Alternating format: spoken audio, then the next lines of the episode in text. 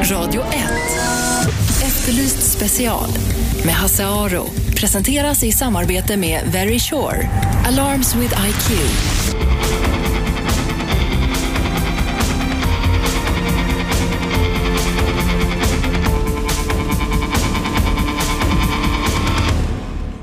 Eh, välkomna hit till Efterlyst special. Hasse Aro heter jag. Eh, Radio 1, 101,9 i Stockholm, Sveriges bästa pratradio.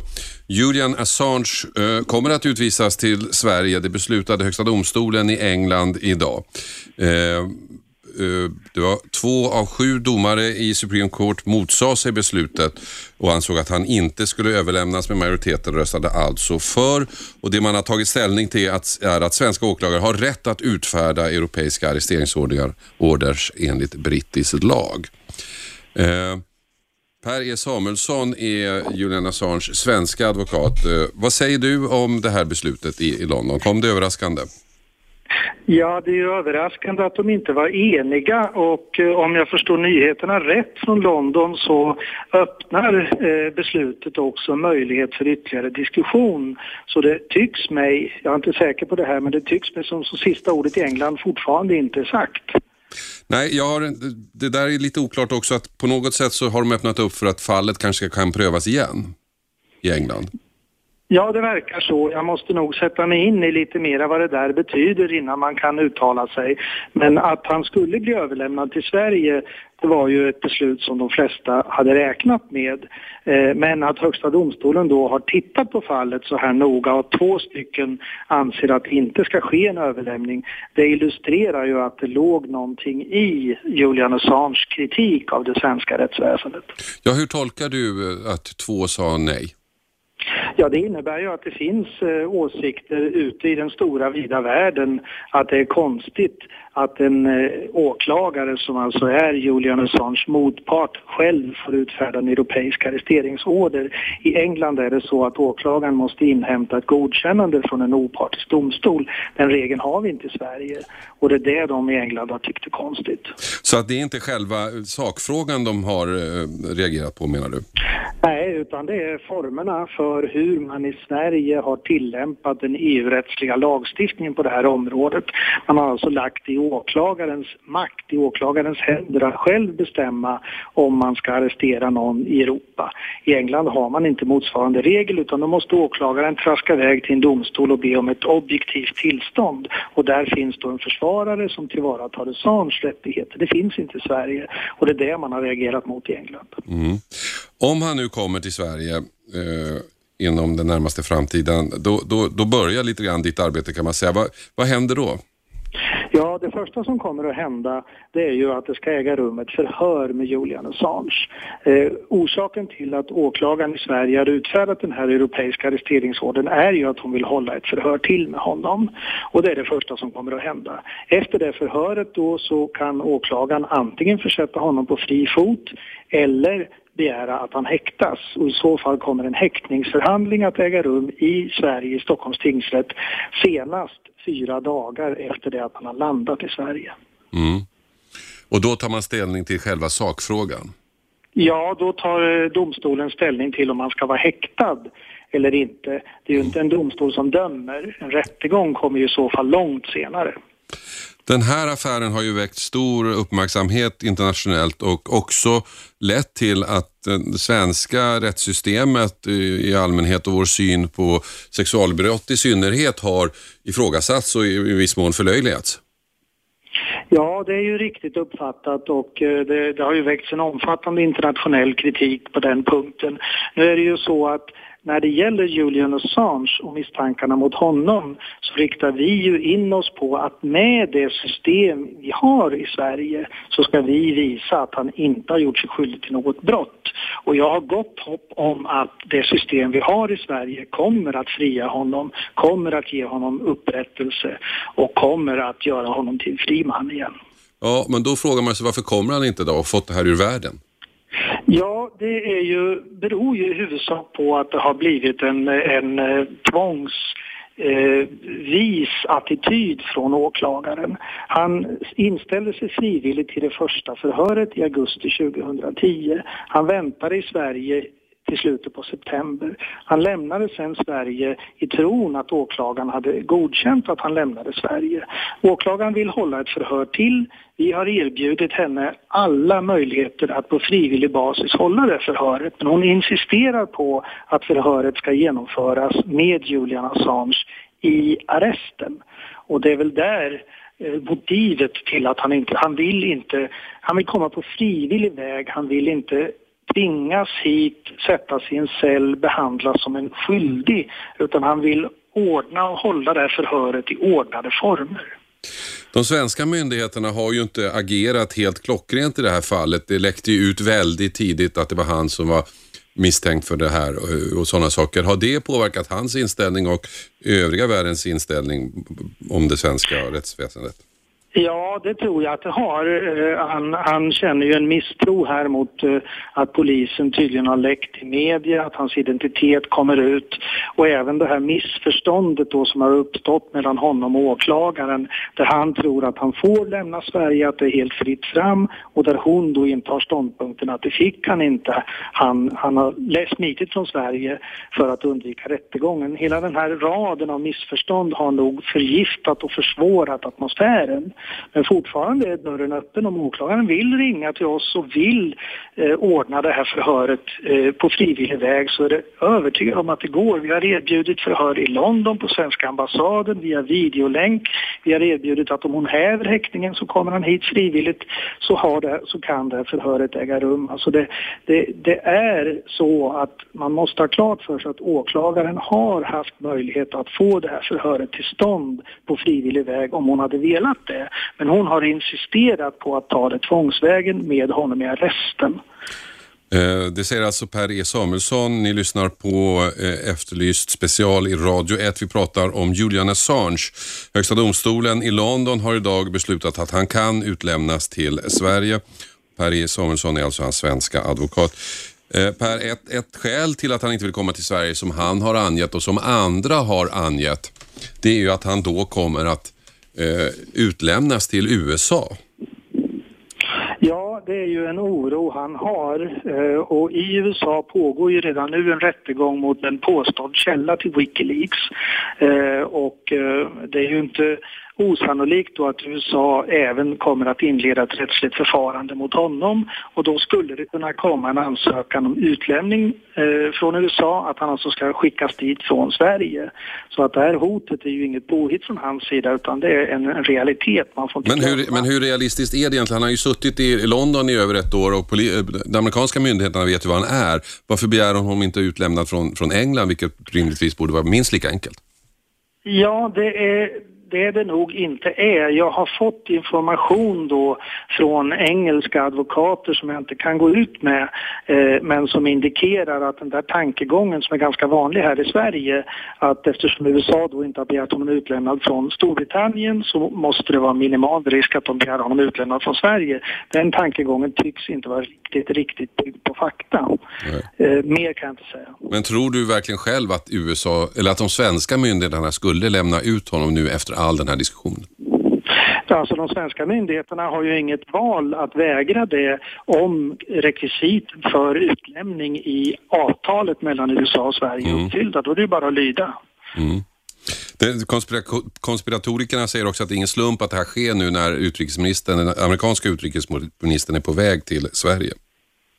Ja, jag kan inte eh, eh, engagera mig i den här typen av dagliga turer hit och dit i det här ärendet. Jag fokuserar och koncentrerar mig på sakfrågan, alltså brottsmisstankarna mot honom i Sverige. Och där hyser jag gott hopp om att eh, utredningen kommer att visa att han talar sanning. Och det är där någonstans vi landar ändå på, på själva sakfrågan. Och det som gör att hela den här eh, debatten är väldigt svår att få något grepp om är att det är ju ännu inte klart vad, vad är det han anklagas för exakt. Och, och där ja. någonstans, det, det pratas om sexuella övergrepp och så, men så, så läser man på, på, på, nätsidor som inte är officiella på vad, vad det är mer exakt han ska ha gjort och, och många menar att det där är ju inte alls något sexuellt övergrepp. Ligger det inte i ert intresse att få ut eh, de här förhören och, och berätta exakt vad det handlar om? Ja, jag har ju varit i London vid upprepade tillfällen. Julian Assange har för mig berättat vad som har hänt. Jag har med egna ögon sett bevisning eh, som får mig att vara övertygad om att det han säger är sant. Mm. Och, eh, mot den bakgrunden så kan man ju tycka det är konstigt att han inte genast åker dit och sätter sitt polisförhör för att få saken ur världen. Men då kommer de här turerna om eh, att han ska vara i arrest och så in i bilden. Och eh, det har ju blivit eh, en olycklig utveckling för alla parter, mm. även för Julian Assange. Det var ingen som visste att det skulle kunna ta över nästan två år för England att ta ställning till det här. Vad tror du om, om det nu blir rättegång i Sverige? Eh, vad tror du om chansen, eh, snedstreck risken att det blir lyckta dörrar? Ja, den är väl tyvärr rätt stor. Ehm, det är ju vanligt i den här typen av mål. Jag kan bara hoppas att den här rättegången går av stapeln för öppen ridå. Alla människors identitet, även kvinnornas identitet, är ju faktiskt i praktiken ute på nätet överallt. Så eh, jag hoppas att vi kan få en offentlig rättegång, en offentlig insyn så hela folket i Sverige och hela världen för övrigt kan ta ställning till de berättelser och de fakta som läggs fram. För det är väl så att jag menar, det är väl först då som vi andra som inte är så insatta kan få, bilda oss någon slags åsikt om vad det egentligen som har hänt och hur allvarligt det är. Precis. Det vore jättebra om det här kunde bli en tv-sänd rättegång faktiskt. Mm, men det tror jag inte. Eh, nu, nu, nu lämnar man ju som sagt var eh, möjlighet i den här domen på något sätt att han skulle kunna i alla fall på, förhala beslutet ytterligare eller få fallet öppnat igen i London. Så det är inte säkert att han kommer nu om någon vecka eller två. Nej, jag, jag, huvudregeln är ju den att en överlämning ska ske inom ett antal dagar, kanske veckor efter ett sånt här beslut. Men signaler jag har hört på nyheterna eh, indikerar att det skulle ta en annan och längre vändning. Men jag kan inte uttala mig det, jag vet faktiskt inte än. Nej. Eh, har du haft någon kontakt med honom idag eller nyligen? Inte hunnit än. Det är väldigt många som ringer både honom och mig tydligen. Men eh, jag räknar med att ha honom här under lunchtiden. Okej. Okay. Tack så mycket eh, Per E Samuelsson för att vi fick ringa dig eh, här i Efterlyst special som ni lyssnar på Radio 101,9 Sveriges bästa pratradio. Det här var alltså Per E Samuelsson som är Julian Assange svenska advokat. Julian Assange eh, som nu kan utlämnas till Sverige. Det har Högsta domstolen i England eh, beslutat idag. Eh, intressant är att två av de sju domarna i Supreme Court motsade sig beslutet så ett helt enigt och lätt beslut tycks det inte ha varit. Och man öppnar också upp för någon form eh, av eh, förhalningsmöjlighet ytterligare där man säger att eh, det går att öppna fallet igen. Vad det betydde och innebar det kunde inte Per E Samuelsson riktigt svara på så här tidigt. Beslutet kom för bara någon timme sedan. Därmed lämnar vi det ämnet. Vi ska ha reklam. Efter pausen ska vi prata om ett av de stora ämnena i Sverige, nämligen ska vi behålla monarkin eller börjar det bli dags att införa republik? Eh, eh, Peter Altin, advokat och ordförande i Republikanska föreningen är här. Så missa inte det. Vi vill också höra vad ni tycker. Åsikter. Radio 1. Efterlyst special med Hasse Aro. Presenteras i samarbete med Very Sure. Alarms with IQ.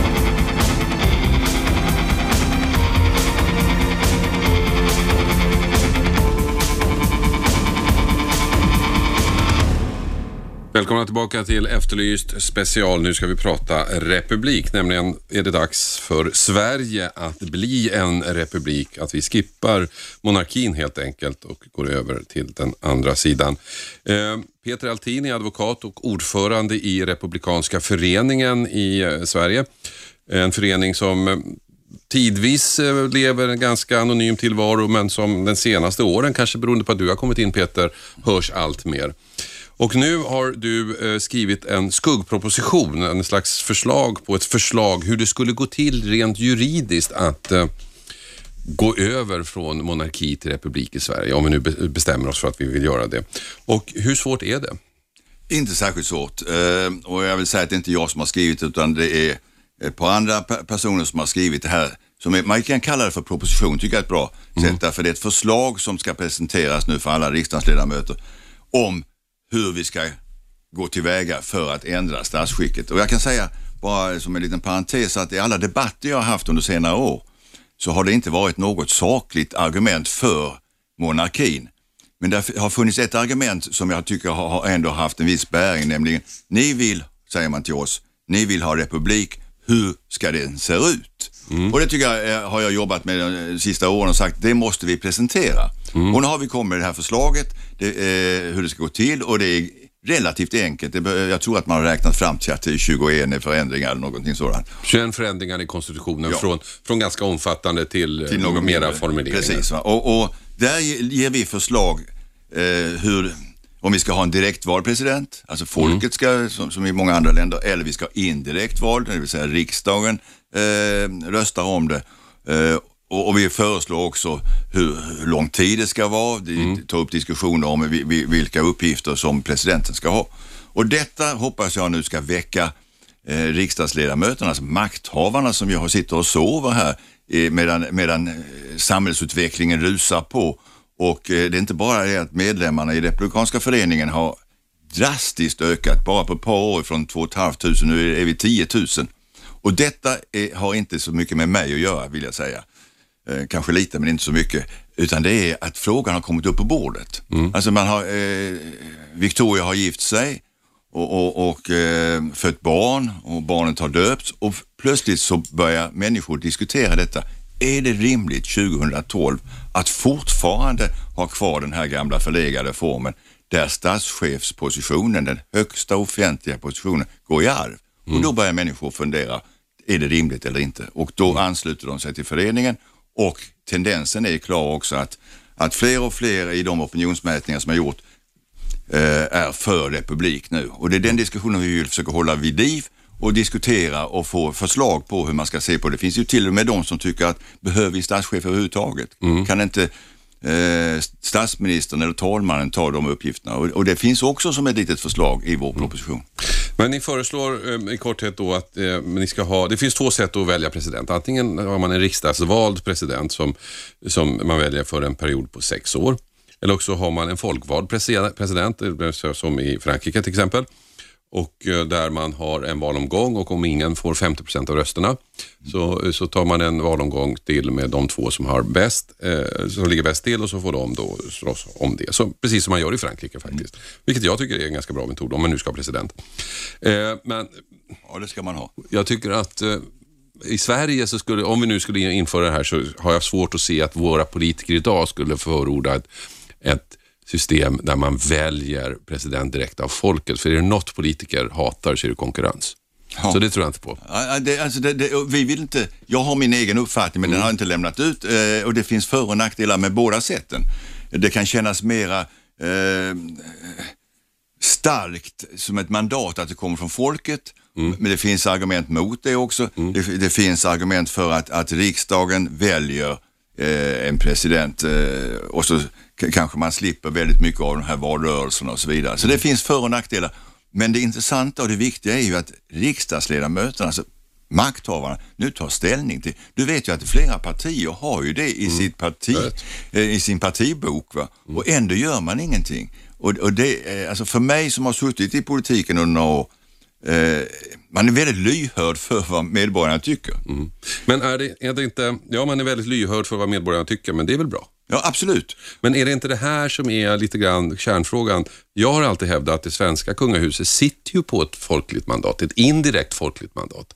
Därför att våra folkvalda, de skulle rösta bort monarkin imorgon om det var politiskt möjligt, men det är det ju inte. Det är politiskt självmord, därför att folket vill ha det kvar. Så det finns ju ett indirekt folkligt mandat. Jo, alltså, den, den där argumenten hör man ju också i, mm. och för sig. Och, och alltså, att de partier som redan nu har det i sitt partiprogram, inte gör någonting, är ju eh, politiskt naturligtvis. Mm. De drar den slutsatsen att det skulle vara, som du kallar för självmord, i varje fall skulle inte gynna dem eh, med, med, med, med röstetal. Men, men vi närmar oss den punkten. Och det mm. vill jag säga att vi är inget revolution, ja, revolutionärt förening, Nej. utan vi närmar oss den punkten där medborgarnas, alltså majoriteten av medborgarna säger nu är det dags för ändring. Mm. Då kan jag lova det här, så då mm. kommer man att ändra sig. I, det tror jag också. Och, och vi, vi, närmar oss det också. Det är därför vi har räknat ut här att fortsätter eh, trenden och tendensen så är det kanske tio år till. Mm. Jag tror att det kan gå ännu snabbare när man väl börjar eh, rulla bollen, va? precis som man har sett på andra ställen. Eh, Sovjetunionens fall var väl ingen som förutsåg Nej. två år innan. Va? Så det kan gå väldigt snabbt. Nu vill jag inte göra, göra någon jämförelse med, med, med det. Men vi hade diskussion häromdagen i det här programmet där, där vi hävdade, jag hävdade att kanske, det, kanske är det här nu när de börjar gifta sig med vanliga dödliga människor som, som plötsligt är ens granne, eh, prinsessa och det är väl trevligt för henne men varför ska jag försörja henne? Att det är kanske det, det som gör att det luckras upp. Alltså det, det, det, det är intressant att konstatera att när, när, när allt fler ställer sig bakom republikidén så finns det många olika skäl till det. Alltså. F- För mig är det, är det eh, självklart det, är alltså principfrågan. Vi ska inte ärva eh, ämbeten. Andra finns eh, säkert för de tycker det är för dyrt eller de tycker att det är fel och så vidare. Eh, och jag har sagt också så här för, för eh, några veckor sedan att om nu Victoria är en sån duktig och begåvad kvinna så tror jag att hon kan komma i den situationen att hon säger jag vill inte att mitt barn inte själv ska få välja sin framtid. Jag vill inte att mitt barn eller mina barn eh, ska bli jagade av fotografer och allt de gör ska upp. Jag vill inte detta. Och detta är intressant. Ibland har man ju lite tur med, med, med tiden men i Dagens Nyheter i, i krönikan där Eh, så skriver Malin Ullgren att namnet Estelle tyder på att kronprinsessan vill lämna över riket till folket. Lite samma sak som du var inne på. Eh, är man inte själv, eh, tar man inte de stegen själv kan man ha börjat på det. Ja, det ska bli intressant att se. Jag tror att det också kan ha betydelse. Ni lyssnar på Efterlyst special. Vi diskuterar grundlagen, nämligen konstitutionsordningen, eh, konstitution, den svenska konstitutionen i Sverige. Ska vi ha eh, monarki eller börjar det bli dags att gå över till republik? Med mig i studion finns Peter Altin, advokat och ordförande i Republikanska föreningen. Vad tycker du som lyssnar? 0200 11 12 13. Är monarkins tid förbi eller är det någonting som vi bör bevara? 0200 11 12 13. Ring in och säg vad du tycker. Jag tar samtal under reklamen. Radio 1. Efterlyst special med Hasse Aro. Presenteras i samarbete med Very Sure. Alarms with IQ.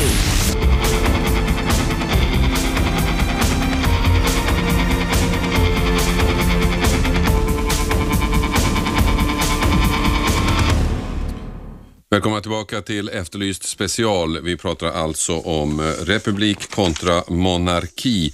Eh, detta med anledning av att Republikanska föreningen nu har gjort en genomgång över eh, vad som krävs för att vi ska kunna göra den här övergången rent juridiskt. Och det är inte så komplicerat. Det är ungefär 21 eh, lagändringar som ska göras, eh, varav en del, eller ganska många, är ganska små. Peter Altin är advokat och ordförande i Republikanska föreningen, sitter här mitt emot mig och vi har, tar också lyssnare 0200 11 12 13. Men innan vi släpper in lyssnare så vill jag då säga Peter, att jag menar om man, om man tittar på det rationellt och logiskt så fattar ju alla att man kan inte ha monarki.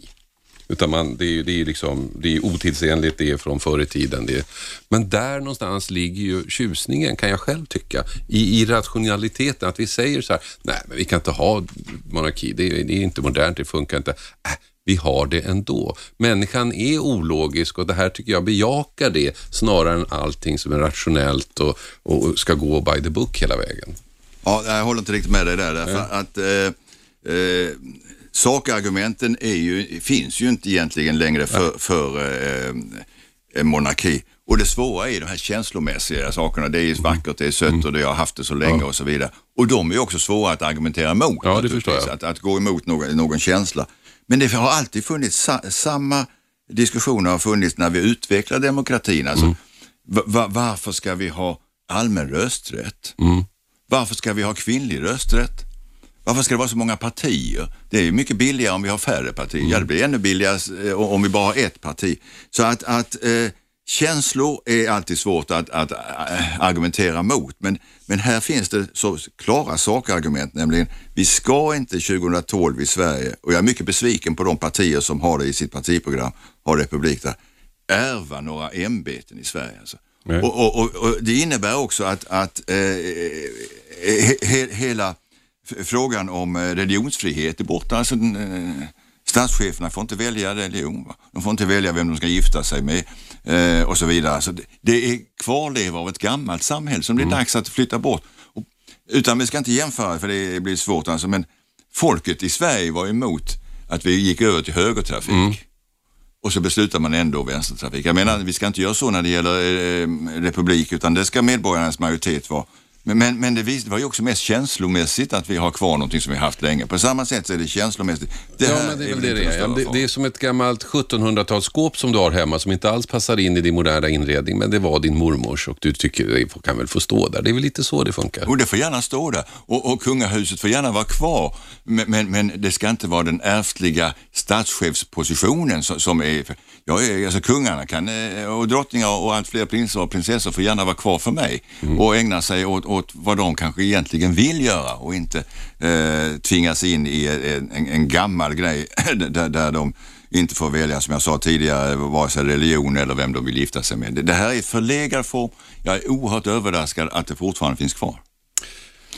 Vi diskuterar monarki eh, och republik. Eh, Peter Altin, ordförande i Republikanska föreningen, är här. 0200 11 12 13. Ring in och säg vad du tycker. Jonas, vad tycker du? Jo, jag måste fråga Peter här. Ja. Eh, Jo, man... eh, Vi har ju i Sverige fem veckors semester och sådär. Och- Eller vad det är. Något sånt. Ja, Och eh, då sa man en del röda dagar. Och så, som jag då som inte är troende. Vi firar jul då man är ledig på juldagen, annandagen och såna här grejer. Kan vi inte ta bort dem då också? Alltså om man alltid ska ta bort allt som har med traditioner och historia att göra. Eller Vad, vad ser han på sånt till exempel? Eller som första maj. Så jobbar alla fem dagar i veckan och så har man sina lediga dagar sen då när man har semester. ja det, är- det är ju en intressant fråga Jonas, men, men vi har ju faktiskt tagit bort en röd dag. Vi tog bort för ett tag sedan eh, Ja, annandag vad- pingst. Min fråga var till exempel jul till exempel. Vad står du? Nej, men alltså, det är rätt många som inte är troende i Sverige. Ska vi inte rationalisera bort julen då också till exempel? Jo, men det, det här har ju inte riktigt eh, med att göra frågan om vi ska ha eh, republik eller monarki, om vi ska ta bort julen. Jag, jag tror att en majoritet fortfarande i Sverige är för att julen finns kvar. Ja, Sku- men den är ganska förlegad. Ja, jo, att men, men inte skulle det. Jonas, vänta, skulle komma fram till en situation där majoriteten av svenska medborgare tycker att julen eh, kan vi förpassa till någonting annat så kanske det blir så också. Eh, Det, det, det är ju det som är demokratins kärna och det, det, det är det som är demokratins grundpelare, nämligen att majoriteten bestämmer hur vi vill ha det och majoriteten är på gång att ändra sig när det gäller statsskicket också. Men Jonas, vi har inga, vi må, ska vi måste vara ärliga här, vi har inga helgdagar som är kopplade till kungahuset. Det kanske skulle vara ett sätt att öka deras popularitet. Är, är kopplat till alltså, gamla religiösa påfund Mm. liksom, som jag, ingen egentligen funderar så mycket kring. Liksom. Och, Nej. men min andra fråga skulle vara, um, till exempel, nu äger inte kungen Djurgården till exempel. Vad skulle hända med sådana saker om man nu hårdrar att man tar bort Ja, kungahuset? det är en Blir bra det fråga. hans privata grejer som han kan då säga att nu får inga andra vara här, jag sätter upp ett staket här då? Ja, alltså, Ja, bra eh, vad jag är ute Eller, efter... eller alla andra alltså, inrättningar som, som slott och sånt som nu används som museum eller vad det kan vara. Men vad var din specifika fråga? Vad ska Ja, vi... alltså kan, om, om vi säger att vi avskaffar kungahuset, kan vi då, skulle kungen då kunna säga, men då exempel slottet som står där vid, vid Gamla stan, då vill jag göra om det till bostadsrätt och sälja det till högstbjudande. Eller vad, vad liksom rent konkret kommer hända med alla sådana saker? Det- det är en fråga-. Ja, det, det är en fråga som vi diskuterar i den här propositionen, nämligen hur ska vi göra? Alltså det är själva eh, frågan om den ärftliga monarkin som är, som är, är, är vår grej. Va? Vi ska ersätta det med republik. Att kungen kan vara kvar som kung, det är han i andra länder också där, där, man, där de är ex-kung eh, och, och ex-drottningar och så vidare. Det som tillhör honom rent privat eh, får han naturligtvis behålla. Det är inte fråga om att, att, att, att, att ta saker som är hans naturligtvis. Fast det här tycker jag är en intressant fråga, så Jonas, för att jag hävdar ju att har kungen några privata tillgångar överhuvudtaget? Finns, finns, ja, var kommer de ifrån? Ja, precis. Det, det, det var så när, när den första Bernadotten kom till Ja. Sverige så hade han ju rätt mycket pengar med Ja, sig. det är väl det då. då. Och, och, och eh, han lovade också då när han skulle bli, bli, bli vald till kronprins och sedermera till kung att han skulle betala en del av statsskulden som Sverige hade, men det gjorde han aldrig, i varje fall mycket lite. Så, Kan vi då räkna av det från kungens privata förmögenhet? så, ja, just det. Eh, nej, men han, han, han har ju en privat eh, förmögenhet och det säger de hela tiden och det, den ska vi ju inte beslagta på något sätt. Alltså, jag, bara, säga en sak, det, det, det, även om det blir effekten så är det inte kungafamiljen jag är ute efter utan det är själva den ärftliga monarkin, alltså att du ärver det högsta offentliga ämbetet. Det ska vi inte ha kvar i Sverige och det tror jag fler och fler av samma uppfattning. Sen får kungen vara kvar, han kanske har ett privat slott, jag kan inte det där i detalj och då får han ju vara kvar där naturligtvis. alltså, hur, alltså, de grejerna tycker jag är intressanta. Typ som, alltså, som Djurgården som de flesta stockholmare och andra alltså, svenskar och turister nyttjar som att det vore en allmän tillgång. Om det skulle vara så att det tillhörde honom privat, rent så här, skulle han kunna förbjuda folk att beträda det då, om han blir... Jag tror att i det läget vi röstar bort kungen så tror jag det vore politiskt eh, oklokt av honom att hävda det. Jag tror inte han gör det, men du ser Haga slott har man ju satt upp lite plank eller grindar runt om. Men, men det här... Ja, men nu bor de väl där själva liksom. Ja, Men- precis. Och det är klart att de, de ska bo kvar i sina privata eh, egendomar och sin privata förmögenhet. Det ska vi inte Ja, ta. jag, jag tänker som om, om kungen säger, sen nästa generation då, alltså helt plötsligt blir de normala dödliga och ser att Jonas, jag, jag tror inte vi kommer längre just Jag ska bara säga en sak till eh, Jonas. De är normala dödliga. Det är det som är det intressanta. Va? Ja, Jonas, vi måste gå vidare med nästa lyssnare. Tack för att du ringde. Janne, är du kvar? Ja, är det mig du pratar med? Ja, nu är det dig jag pratar med. Ja, hejsan. Hej Peter. Tjena Janne. Eh, Ja, det finns ju en jävla massa frågor angående det här. En, en liten kort bara. Är det någon som har frågat kungafamiljen vad de har för åsikt i frågan? Ja, jag tror inte att frågan är mer direkt ställd, men eh, när kungen eh, fyllde 65 så skickade vi från Republikanska föreningen en liten gåva till honom, en liten klocka eh, som man får när man går i pension. Och så, och så önska, önskade vi honom all lycka i, som pensionär. Vi fick ett svar då ifrån någon av hans handsekreterare som tackade för gåvan, men, men som eh, la till att kungen kommer fortsätta i sin gärning. Så att eh, jag tror inte så mycket på honom. Däremot tror jag mer på Victoria, att hon kan komma fram till ett läge och säga att jag vill skydda mina barn. Ja. Eh, en eh, lite större och allvarligare fråga i det här tycker jag då. Det är eh, nummer ett som du var inne på lite grann. Det ska vi ha en statschef överhuvudtaget i form av president eller kung eller något sånt där? Och om vi nu ska det. Eh, I dagsläget så vad jag förstår så är kungen mest en ceremoniell statschef. Men en president skulle det vara mer en funktionell statschef som faktiskt har mandat att göra och besluta saker. Och om det nu är så också, då...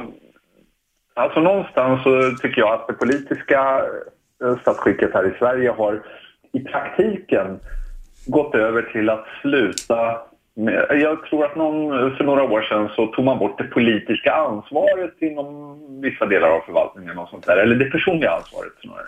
Och om nu vi skulle ha en, en folkvald, direkt eller indirekt folkvald president, alltså det viktigaste steget tycker jag, det är väl skitsamma vem som har en titel, men se till att våra beslutsfattare får ett personligt ansvar för de beslut de faktiskt tar. Och det skulle i så fall vara en, en, ett bra incitament för att införa kanske en folkvald president eller något sånt där.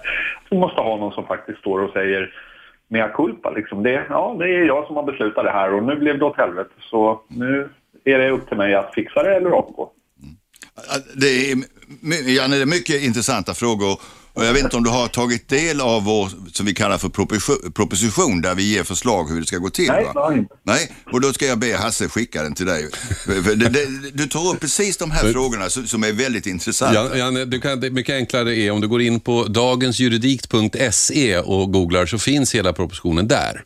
Det Tycker jag låter. Du, vi ska släppa in nästa bara, bara Ja. snabbt svara på det, därför det är mycket intressant den frågan. Vi tar upp precis de här frågorna. Ska du ha en direktval, indirekt eller ska vi överhuvudtaget inte ha någon eh, statschef utan låta talmannen till exempel eh, överta de här eh, uppgifterna. Och, och, och, och detta diskuterar vi och vi har väl våra egna uppfattningar men vi vill att makthavarna ska diskutera det och komma fram. Och, och i sin förlängning blir det också frågan, ska presidenten ha några befogenheter utöver de som kungen har idag? Va? Och ska han då vara personligt ansvarig så att säga? Det är precis det vi diskuterar. Och detta har ingen varit intresserad av att diskutera förrän nu. Så att, eh, kom in Janne och diskutera det här med oss. Va? För det är, finns inga bestämda slutsatser just nu mer än att vi vill diskutera det. Nej. Och Okej. bara säga en sak till. Och är det så att presidenten inte sköter sig så kan han ju eh, avsättas och han eh, vä- väljs inte en gång till så man kan ju styra det på ett annat sätt än med den eh, ärftliga monarkin. Tack Janne för att du ringde. Eh, ni lyssnar alltså på Efterlyst direkt. Vi diskuterar monarkin, eh, monarkins vara eller rättare sagt ska vi gå över till republik. Peter Altin är i studion, ordförande i Republikanska föreningen i Sverige.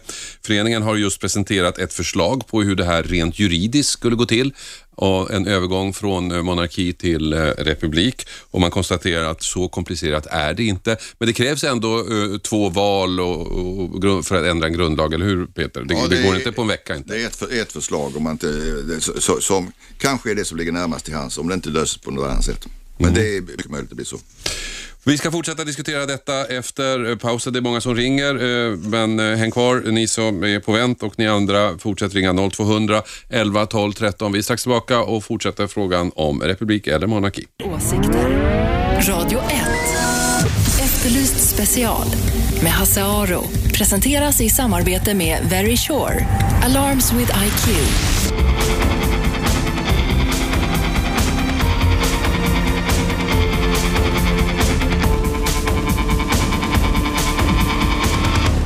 Välkomna tillbaka till Efterlyst special. Vi diskuterar republik. Är det dags att gå över till republik och hur skulle det i sådana fall gå till? Peter Altin, advokat och eh, ordförande i Republikanska föreningen, sitter här mitt emot mig. Eh, de har, eh, den här föreningen har just skrivit ihop ett förslag på hur det här skulle gå till rent juridiskt att gå över från monarki till republik och man konstaterar att det inte är så eh, vansinnigt svårt. Vad tycker du som lyssnar? 0200 11 12 13 0200 11 12 13. Många har ringt, många har väntat länge. Eh, Olle, är du kvar? Hallå Olle? Ja, det är Olle här. Ja. Jag höll på att tröttna. Ja, jag förstår det, du fick vänta länge. Det är många som ringer, men nu är det din tur. Vad tycker du? Jag kan tala om att jag är medlem i Republikanska föreningen och det Ja. är utav grundläggande eh, rationella och demokratiska skäl. Men det Mm. finns också känslomässiga argument som jag har upplevt och som är viktiga för mig. Vad då till exempel? Det är exempel på när jag tog studentexamen på 60-talet så tog också Hans Majestät som nu sitter som kung också studentexamen med C i matematik. Ingen utav mina klasskamrater klarade av att ta studentexamen med C i matematik. De krakarna, de fick gå ut bakvägen. Men han fick ta studentexamen med sin matematik. Sen gjorde jag militärtjänstgöring och kung, kungen kom dit på besök. Och vet du vad de då hittade på? Jo, då skulle vi smörja in alla stridsvagnar med vapenfett för att de skulle glänsa när han körde förbi på en kvart. Flera veckor efter det så for ju vi som snorlosker på de här hala stridsvagnarna och skadade oss och gjorde illa. Det var ett fruktansvärt rövsläckeri utav människor som hurrade för den här eh, händelsen bara för han kommer dit på 20 minuter och tittar av. Jag tycker att de känslomässiga har också betydelse för det här skapar rövslickeri som man ju Men det, det första du säger där med, med, med studentexamen, det tycker jag är intressant. Det andra, så tror jag nog, ni hade nog fått putsa lika mycket om en president hade åkt förbi. Så det är inte Hörru, vi hade inte behövt eh, peta in en massa vapenfett. Ja, jag vet att inte. Vi fick smörja in en, flera stridsvagnar med massor med vapenfett. Helt onödigt. Eh, Peter, vad säger du det här med att kungen eller mon- de som är kungafamiljen, medlemmar i kungafamiljen, att de, att de har en särställning på, på det sättet som Olle beskriver? Jo, alltså jag känner igen det. Hej Olle. Hej. Eh, vi kämpar för samma sak för Sverige i framtiden. Eh, och och det, det här sa ju redan Vilhelm Moberg, var ett av hans argument att, han, att den här, eh, som du kallar för rövsläckeriet, eh, nådde va- vansinniga nivåer. Och det ser man ju också. Jag har ingenting emot att man vid bröllop eller vid eh, dop eh, och vigslar, att man har en, en bevakning av detta. Men det har ju gått fullständigt överstyr när, när eh, tidningar skickar ut eh, till och med bilagor om, om detta. Det här är vanliga människor som har fått sin position utan att eh, presentera någon kompetens. Och det är detta som vi jag vänder mig den principiella frågan. De känslomässiga som du har känner jag ju till också genom att läsa Republikanernas eh, idéer eh, även bakåt i tiden. Det är bra det. Men du Olle, eh, du tycker att vi, hur tycker du att vi ska fixa övergången då? Det är väl inte så svårt. Jag har ju lyssnat här på Mm. de som kan de juridiska möjligheterna. Och sen om man väljer att man ska låta riksdagens talman eller om man ska välja någon separat eller om eh, riksdagen ska välja någon. Det tycker jag är egalt. Det gäller väl att göra det på ett sätt så att eh, det går smidigt och man inte behöver ha en massa kostsamma krusiduller runt omkring en valprocess som ska gå över hela landet. Snabbt och lätt. Okej, tack Olle för att du ringde och tack för att du väntade också. Snabbt och lätt och ska vi se om den andra Janne när han har gett upp. Men ring in 0200 11 12 13. Berätta vad du tycker om eh, förslaget om republik. Ska vi gå över till republik börjar det bli dags att göra det. Peter Altin är här, ordförande i Republikanska föreningen. Eh, en förening som har funnits i många år. Var, är det, var det Vilhelm Moberg som startade den? Nej, han startade den republikanska klubben Okej. på, på 50-talet och sen så, och det, det var ju eh, må, många av de, de mera samhällsdebattörerna som var med där. Sen eh, dog den ut alltså och eh, 1999 så startades Republikanska föreningen eh, och, och tog över vissa av, av eh, Republikanska klubbens eh, tillgångar och så vidare. Och, och s- sov sig igenom de första åren för det var ingen fråga, det var en icke-fråga. Men har sedan eh, de sista tre, fyra åren gått som ett spjut. Eh, just med det man hör nu, folk börjar diskutera detta, man börjar argumentera, man börjar, börjar se det, det, det föråldrade och det fullständigt vansinniga sättet att ha kvar en sån här gammal för, förlegad form. Och Så nu går det. Och det är många som ringer också. Hallå, vem där? Hallå, vem där? Hallå, hallå. Hej, vem där? Hej, jag heter Hussein.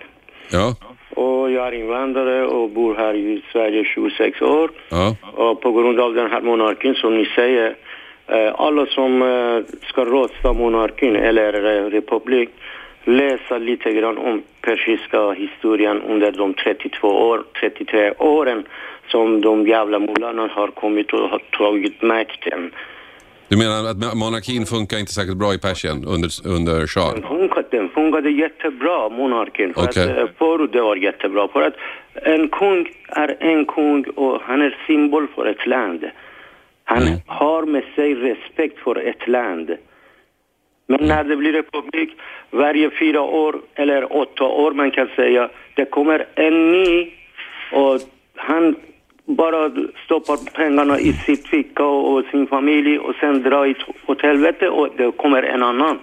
Och det kommer en annan. Ja. Och efter ett tag, det finns ingenting. Peter, det ligger inte någonting i det här för att det danska exemplet visar väl att det finns ett värde att ha en klok monark i många år? Jo, alltså jag kan garantera dig Hussein och även andra att när vi har infört republik så kommer inte mullorna vare sig i Sverige eller någon annanstans Men- att få men det någon kommer- makt det överhuvudtaget. Det kommer, det inte mullorna i Sverige, men det finns en del som tänker som dem. Jo, De har men- inte mullornas kläder. Ja, precis, men, men du får antagligen själv vara med och välja vem du ska eh, eh, bli representerad av, vilken president. För Sverige, jag vill gärna ha monarkin. Ja, det finns ju fortfarande några kvar. Det ger Sverige respekt. Ja, men Hu- Hussein, du, jag respekterar din åsikt, du får gärna ha den, men jag kan då säga att tyvärr, med din utgångspunkt så tillhör du en minskande skara. Och det får, jag är ledsen att säga, det får bli slutord i dagens debatt därför att klockan är så mycket. Vi måste lämna över till eh, Cissi Wallin som kommer alldeles strax här med sina ämnen. Jag vet inte riktigt vad det ska handla om, men jag är säker på att det blir intressant. Vi hörs igen imorgon i, här i Efterlyst, eh, direkt, Efterlyst special och då ska vi prata om våldet i skolan som ökar och där högsta, högsta domstolen i två, i två eh, domar har faktiskt höjt ribban lite grann och slagit fast att visst våld i skolan, det måste man tåla. Intressant debatt imorgon, missa inte det. 101,9 Radio 1. Sveriges nya pratradio.